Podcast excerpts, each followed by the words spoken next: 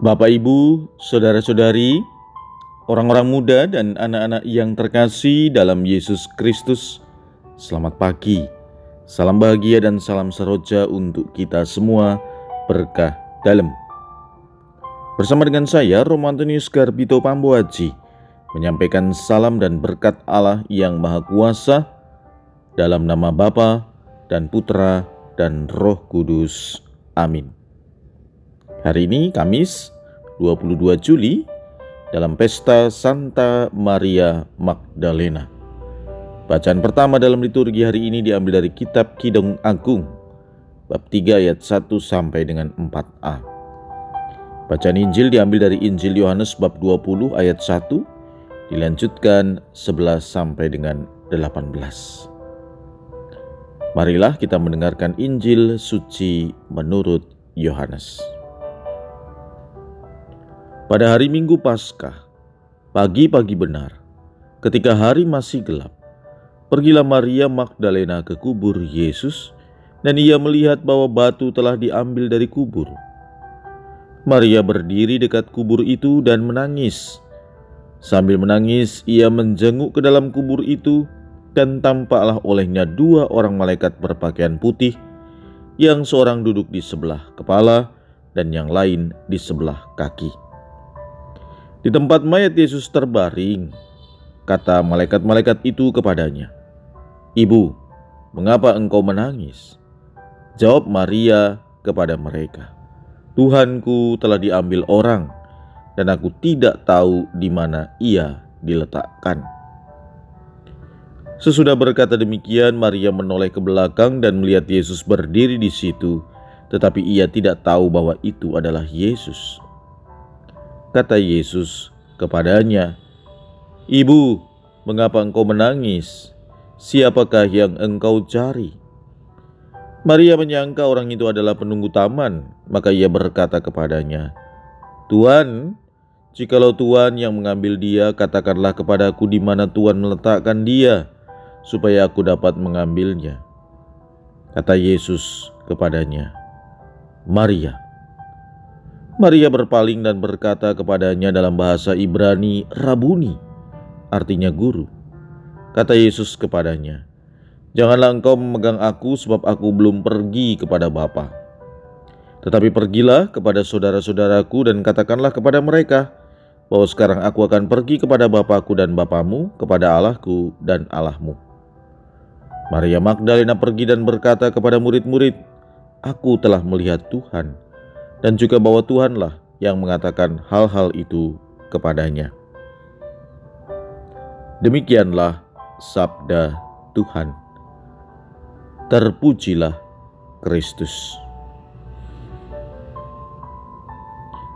Harus kita akui bahwa tidak sedikit di antara kita yang keliru menilai atau menyamakan Maria Magdalena dengan Maria dari Betania dan perempuan berdosa tanpa nama yang melumuri kaki Yesus dengan minyak wangi. Padahal sesungguhnya kalau kita membaca dengan baik Injil kita akan mengenal siapa Maria Magdalena. Pertama, ia terhitung sebagai salah satu di antara wanita yang disembuhkan oleh Yesus dari kuasa tujuh roh jahat dan kemudian menjadi pengikut dan pelayan Yesus selama karyanya. Kita bisa membaca dari Injil Lukas bab 8 ayat 2. Dan yang kedua, Maria hadir saat Yesus memanggul salib sampai dengan penguburannya. Puncaknya, Maria Magdalena menjadi satu-satunya wanita yang pertama melihat Yesus setelah kebangkitannya. Saudara-saudari yang terkasih, yang pasti Maria Magdalena adalah pribadi seorang perempuan murid Yesus yang setia. Ia adalah saksi penyalipan, kematian, dan kebangkitan Tuhan Yesus. Kesetiaannya kepada Yesus tidak pernah pudar.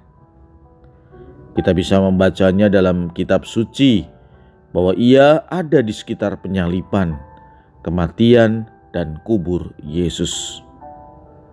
Tidak sedikit pun ia merasa malu dan takut menunjukkan identitasnya sebagai murid Tuhan. Saudara-saudari yang terkasih, buah dari kesetiaan Maria Magdalena kita dengar dalam Injil hari ini, yaitu peristiwa kebangkitan. Bagaimana kita memahami sabda Tuhan hari ini?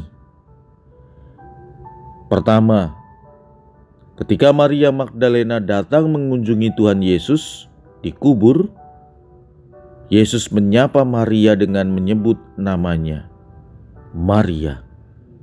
Dan Maria berpaling dalam bahasa Ibrani Rabuni. Kita dapat membayangkan bagaimana pada awalnya Maria kehilangan Yesus yang bukan hanya sebagai guru tetapi juga penyelamat jiwanya.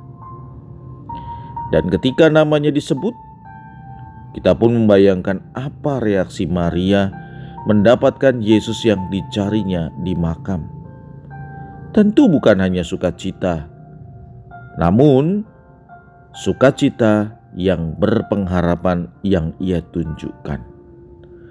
Hal ini dinyatakan dengan reaksinya kemudian di mana ia pergi kepada para murid Yesus untuk mewartakan apa yang ia lihat. Yang kedua, Maria Magdalena menjadi kekasih jiwa Yesus, jantung hatinya. Itulah yang dikatakan dalam bacaan pertama hari ini. Maria mengalami sendiri rahmat belas kasih dan pengampunan dari Tuhan. Ia yang dosanya banyak diampuni Tuhan akan paling besar sukacitanya. Maka saudara-saudari yang terkasih, mari kita terus belajar menjadi murid Tuhan Yesus yang setia dalam keadaan apa pun. Ketika kita menunjukkan kesetiaan dalam keadaan susah, dalam keadaan senang, dalam keadaan gembira ataupun menderita, maka kita akan mendapatkan dan memetik buah dari kesetiaan itu. Mari kita belajar dari Maria Magdalena untuk berani datang kepada Yesus, mohon ampun atas dosa dan kehendak untuk bertobat. Betapa Yesus amat mencintai pendosa yang bertobat, yang mengikuti hidup dan karya Yesus. Marilah berdoa. Ya Tuhan, Maria Magdalena menjadi inspirasi bagi kami, karena ia bukan hanya tidak berbuat dosa lagi, tetapi meninggalkan kemanusiaan lamanya, menghidupi hal baru bersama Yesus. Semoga dalam kehidupan kami sehari-hari, kami dapat tetap berjuang untuk setia dan mendapatkan buah dari kesetiaan itu. Berkat Allah yang Maha Kuasa, dalam nama Bapa dan Putra dan Roh Kudus. Amin.